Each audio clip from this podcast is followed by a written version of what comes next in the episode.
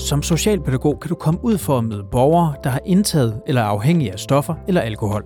Det er derfor vigtigt, at du har en grundlæggende viden om rusmidler og deres effekt. I denne episode af Kort Fortalt giver vi, i samarbejde med en ekspert, en kort introduktion til, hvilke typer af rusmidler der findes, og hvordan du kan forholde dig, hvis en person har indtaget et rusmiddel. Du lytter til Socialpædagogernes podcast, der er en del af vidensuniverset Faglig Fokus.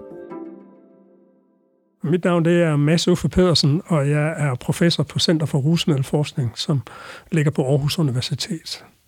Og jeg har i mange år forsket i rusmiddelbrug, både øh, der, hvor man bliver afhængig, både af alkohol og illegale stoffer, og behandling af afhængighed. For at du som socialpædagog kan håndtere en borger, som bruger rusmidler, så er det vigtigt at forstå, at der er stor forskel på virkningen af dem. Og her kan man overordnet set inddele rusmidler i to kategorier. Uppers og downers. Uppers, det er dem, som der skaber eufori og glæde og opstemthed og fysisk aktivitet, og også at man kan nærmest være utrættelig og kan danse en hel nat.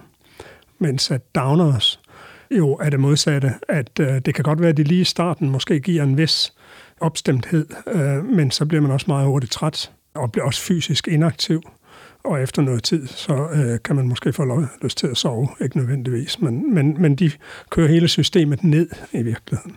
Og blandt oppers, der øh, finder man jo de centralstimulerende stoffer, kalder man dem også.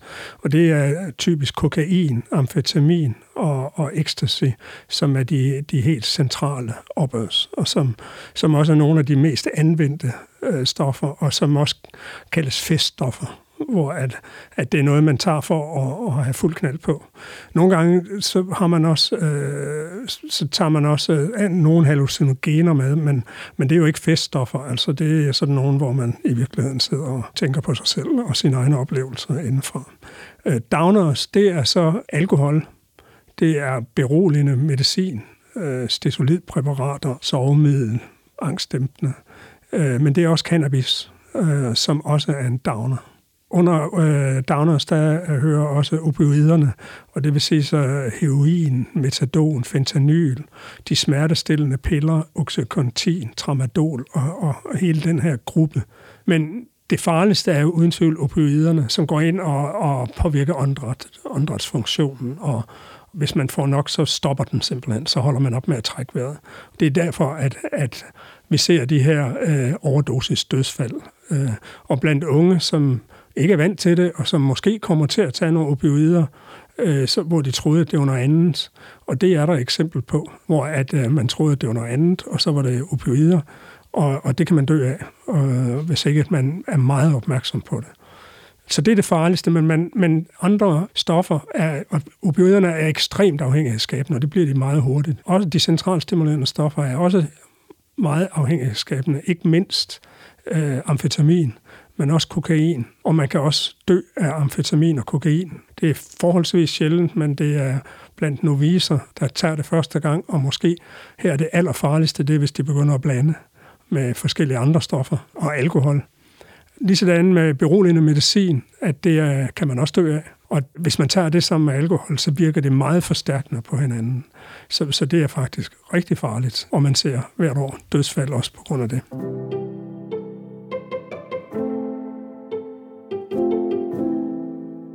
Ifølge Mads Uffe Pedersen har 45 procent af dem, der kommer i behandling for et stofmisbrug, enten en psykiatrisk diagnose eller er på anden måde socialt udsatte. Langt, langt over halvdelen kommer fra splittede familier. Det behøver ikke at være sådan, og det behøver heller ikke at være sådan, at, at forældrene ikke kan støtte dem og sådan noget. Det er der rigtig mange, der gør, så det er ikke på den måde, man skal se det. Men de er sårbare, rigtig mange af dem, og mange af dem har haft en, en skolegang, som, som også er problematisk. Så, så dem, der går hen og udvikler et egentligt afhængighedsforhold, hvor de ikke kan lade være med at tage stofferne, det er ofte en gruppe, der er sårbar på andre områder. Stofferne de virker på forskellige måder på, på hjernen, og dermed også øh, på forskellige personligheder, og også i forhold til, øh, til unge, som måske har psykiske lidelser netop med ADHD, at, øh, at cannabis kan gøre, at de ikke får så meget tankemøller, og lige sådan med andre øh, af den type downers, at de falder lidt mere til ro. Så er der nogle der, grupper, der slet ikke kan tåle dem, altså for eksempel skizofrene eller psykosenære, som slet ikke kan tåle cannabis. De bliver psykotiske af det. Og man har jo mistænkt cannabis for at kunne, at dem, der bruger det meget, de kan udvikle skizofreni.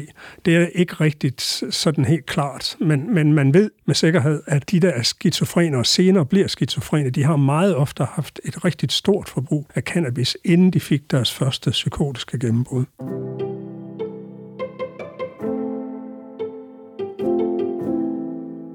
Hvis man oplever en person, der er påvirket af et rusmiddel, så er der forskellige konkrete ting, man kan gøre i sit forsøg på at hjælpe personen. Selvom rusmidlerne er forskellige, og de opdeles i uppers og downers, så er måden, hvorpå man skal forholde sig til dem, faktisk meget ens. Uanset hvilken type stof man har taget, om det er en opper eller downer, så skal der være ro på, og der skal være en rolig og venlig autoritet, hvor at de føler, at nu får de hjælp. Altså hvis man som for eksempel socialpædagog kommer ind et sted til en gruppe af unge mennesker, hvor at der er fuld knald på musikken, og man kan se, at der er nogen, der ligger og sover, og de andre de er døse og måske taler usammenhængende, eller måske kører helt vildt op og så videre. Jamen så skal man jo ind og prøve at se, hvad er det, der sker, og der skal man huske, at man starter med at tage det helt med ro og få kontakt til de unge og tale det hele ned sådan at, at de ikke oplever, så det ikke ender i et skænderi. Det, der er vigtigt her, det er at få informationer om, hvad er der taget. Blandt andet måske også den person, der ligger derhen og sover på sofaen, hvor man så går hen og prøver at finde ud af, kan man, kan man vække vedkommende, øh, kan man få kontakt til vedkommende, og hele tiden forsøge at regulere det med sin, hele stemningen med sin egen adfærd. Det nytter ikke noget at få tingene kørt op, og at de bliver bange for at fortælle sandheden øh, og så videre. Det er rigtig vigtigt, at man får at vide, hvad der bliver taget, og få det hele kørt ned i et tempo, få slukket musikken, måske tændt lyset, uden at det bliver alt for stærkt, og så videre, sådan at man kan få dæmpet situationen og få de nødvendige informationer. Hvis man slet ikke kan få kontakt, og man har en fornemmelse af, at her er der taget stoffer, og man kan ikke væk vedkommende, så skal man have fat i en vagtlæge øh, hvis man godt kan få kontakt, men det er ikke sammenhængende, så skal man blive ved vedkommende. Man skal finde ud af, hvad det er for nogle stoffer, der måske er taget, hvis man kan. Og så skal man også øh, her have fat i en vagtlæge, hvis ikke at vedkommende kommer til sig selv igen og, og kan svare sammenhængende. Så hvis det, hvis det er en person, som man faktisk godt kan væk, der kan fortælle, hvad der er for nogle stoffer, vedkommende har taget. Så kan man blive ved vedkommende, og så, øh, og så se, hvordan tingene udvikler sig. Øh, hvis det er opioider, jamen, så er det nok en god idé at få fat i en vagtlæge alligevel. At hvis de har taget opioider, så skal der handles meget hurtigt. Der findes muligheder for behandlingsforløb over hele landet til personer, der er afhængige af rusmidler.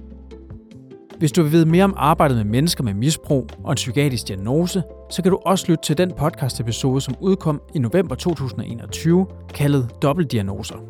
I episodebeskrivelsen har vi samtidig linket til et refleksionsværktøj, der kan gøre dig endnu klogere på rusmidler. Og så kan du som altid læse mere på Faglig Fokus på sl.dk-faglig fokus. Podcasten er produceret af Kontekst og Lyd. Jeg hedder Mads Christian Hede. Tak fordi du lytter med.